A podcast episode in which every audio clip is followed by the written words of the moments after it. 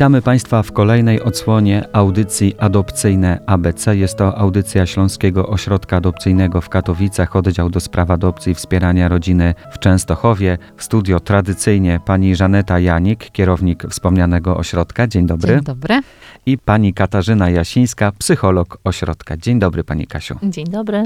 Tydzień temu obiecaliśmy Państwu, że powrócimy do literki C, przy której to zatrzymujemy się pod hasłem Chrzest Święty. Tego zagadnienia nie udało nam się opracować podczas ostatniego spotkania, więc dzisiaj mamy około 7 minut, pani Żaneto, aby rozszyfrować e, to zagadnienie jako kolejna literka alfabetu adopcyjnego ABC. Chrzest Święty.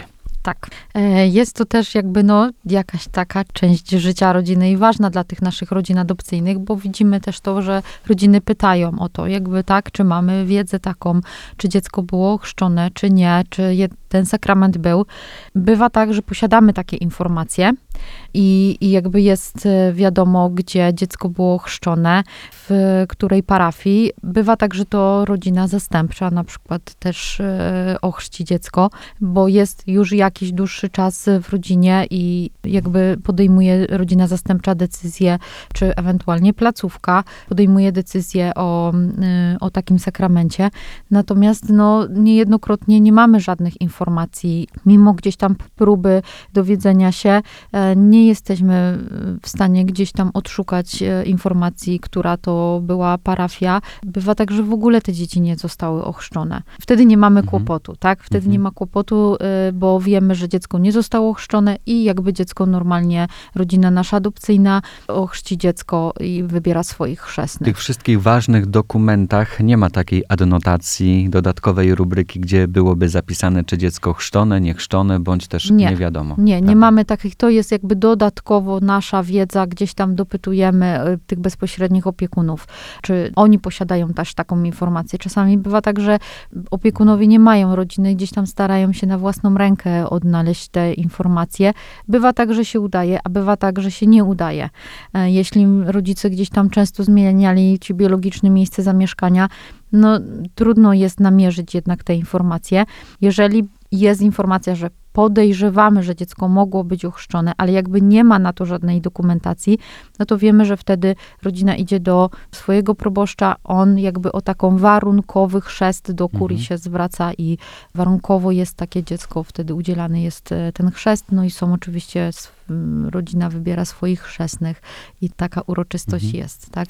Myślę, że to wydarzenie jest ważne z punktu widzenia i religijnego, duchowego dla rodziców wierzących, przyznających się do wiary, dla tych, których wiara ma jakieś znaczenie, ale też jest ważne z punktu widzenia takiego rodzinnego, prawda, że możemy spotkać się przy tym dziecku, omodlić je, pomodlić się za nie i przeżyć właśnie ten moment y, takiego symbolicznego wniesienia tego dziecka do rodziny poprzez sakrament Chrztu Świętego, spotkać się i wspólnie ucieszyć tą chwilą.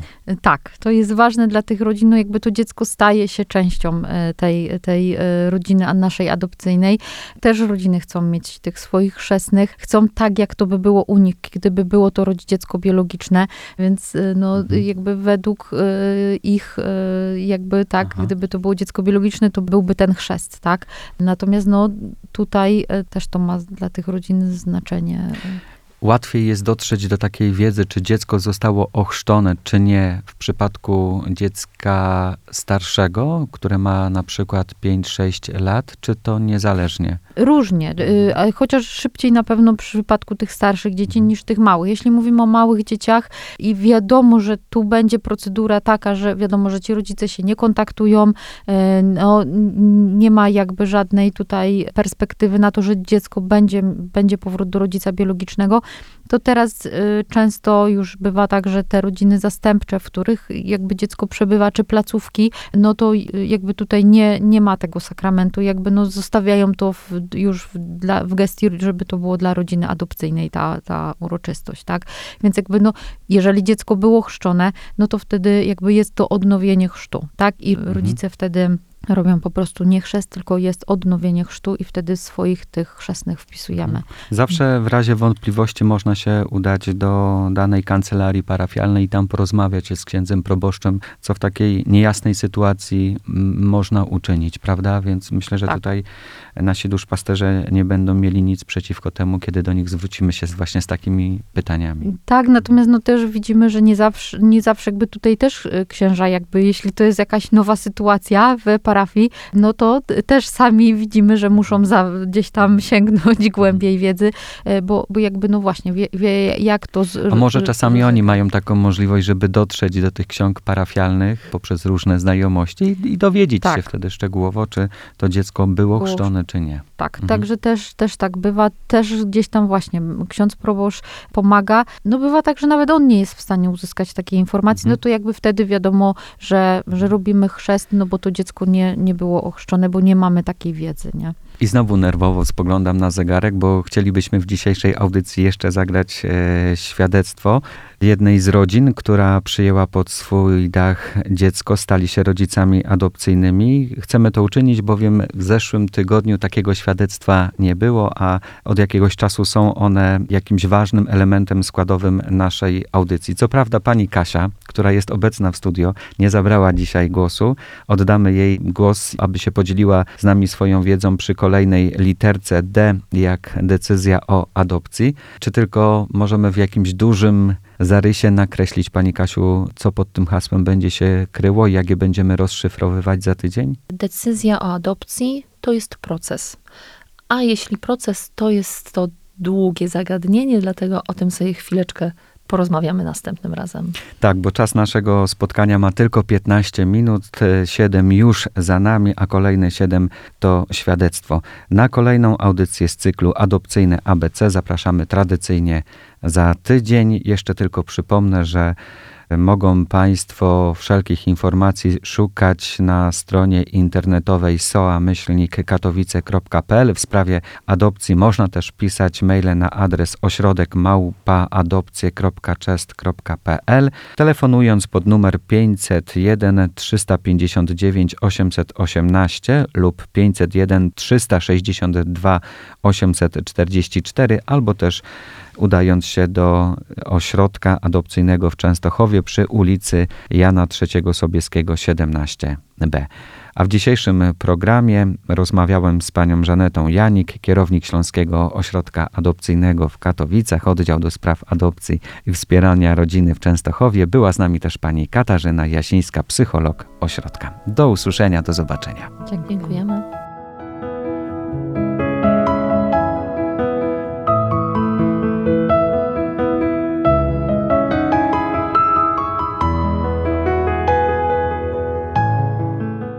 Się chce płakać. Nie no, adopcja to był najtrudniejszy wybór w życiu. Mm, Wybór, którego najbardziej się bałam. I którego no, nigdy w życiu nie będę żałować. Myślę, że to był najlepszy wybór i niczego już się tak nigdy nie będę bała. Tak, w dniu, kiedy miałam właśnie zobaczyć chłopców, poznać ich, to myślałam sobie, że no strach ogromny. No ale myślę, no nie mogę, bo już się wzruszam. Znaczy, my staraliśmy się o dziecko 13 lat. To było bardzo, no bardzo było ciężko. Ja o adopcji myślałam już wcześniej. Natomiast mąż, no na początku w ogóle nie chciał słyszeć, chyba dłużej do tego dojrzewał niż ja. Ja po prostu chciałam być mamą, jakby niezależnie w jaki sposób się nią stać. No chciałam być mamą. No ale przyszedł moment, kiedy, kiedy jednak mąż powiedział, że chyba to ten czas. Także zaczęliśmy kursy, e, byliśmy zdecydowani na jedno dziecko, natomiast w trakcie kursów e, stwierdziliśmy, że to jakby no, tyle już nas kosztuje i emocji, i czasu, że a chcemy mieć więcej dzieci niż jedno, więc postanowiliśmy, że będziemy starać się o dwójkę i to była najlepsza decyzja, naprawdę. Ja w ogóle przez całe kursy mówiłam paniom, że po prostu jak bliźniaki to dla nas, please. I no nie mówię, ale trochę te bliźniaki wymodliłam. Naprawdę. Ale jak przyszliśmy się zapoznać z dokumentami po siedmiu miesiącach, y, okazało się, że są dzieci dla nas i jak zobaczyliśmy dokumentację, no to no, twarz mojego męża po prostu jeden wielki smutek.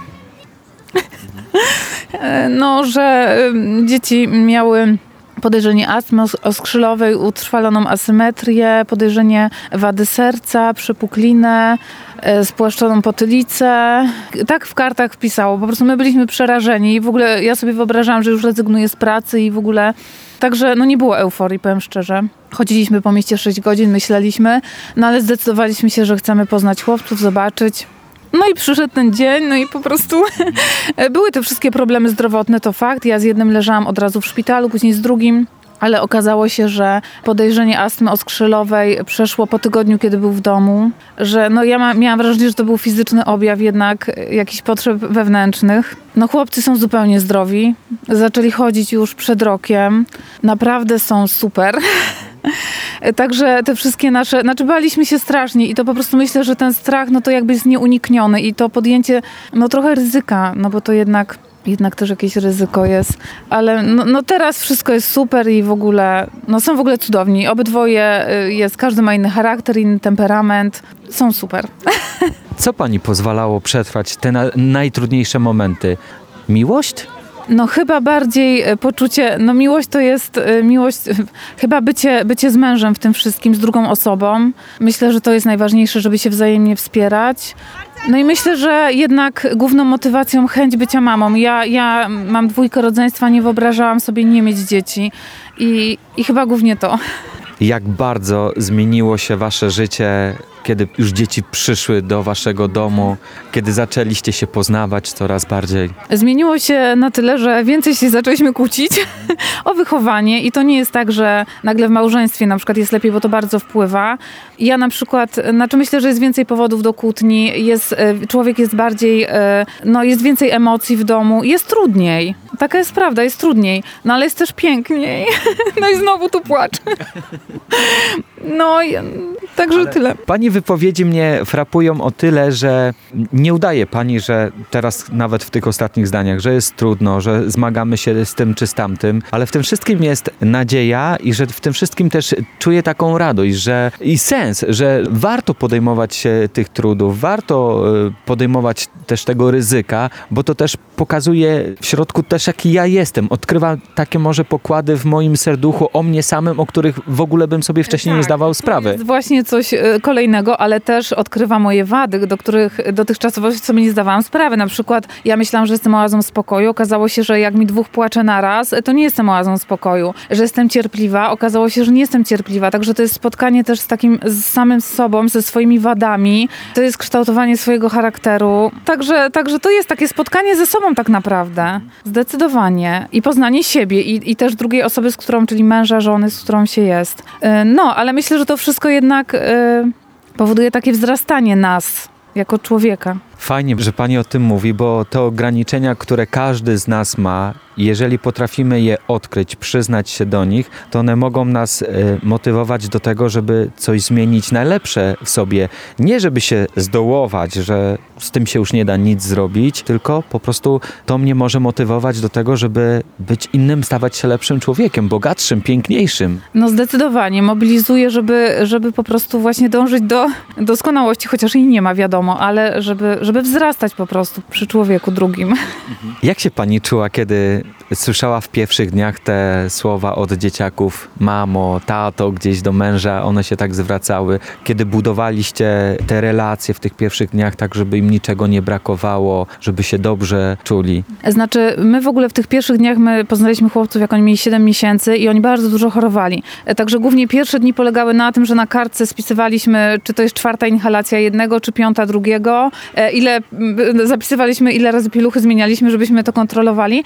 Także powiem szczerze, że w ogóle człowiek się nie skupia tak naprawdę, e, jakby to uczucie przychodzi w pewnym momencie, bo po prostu my się zaczęliśmy opiekować dziećmi i Człowiek zapomina o sobie, o swoim świecie, a całą uwagę Tak. kieruje na tego najmniejszego. Dokładnie i ta miłość przychodzi, bo to, bo to nie jest też tak, e, zresztą ja mam siostrę, która mi opowiadała, która rodziła dziecko i mi opowiadała, że to nie jest tak, że ona dostała dziecko i po prostu nagle czuje, o Jezus, rozpierają miłość. To jest z dnia na dzień. No miłość to jest opieka nad drugim człowiekiem. też. Nie, no ja sobie nie wyobrażam w ogóle, nigdy sobie nie wyobrażałam e, życia takiego we dwoje, bo e, wydaje mi się, w ogóle mój mąż to jest po prostu stworzony, żeby mieć dzieci i jak ja widzę, jak on z nimi spędza czas, to ja po prostu uważam, że byłoby grzechem, gdybyśmy się nie zdecydowali na adopcję. Może to brzmi trochę, trochę dziwnie, ale po prostu ja uważam, że to jest jego talent, bycie tatą. Myślę, że nawet on jest lepszym tatą niż ja mamą.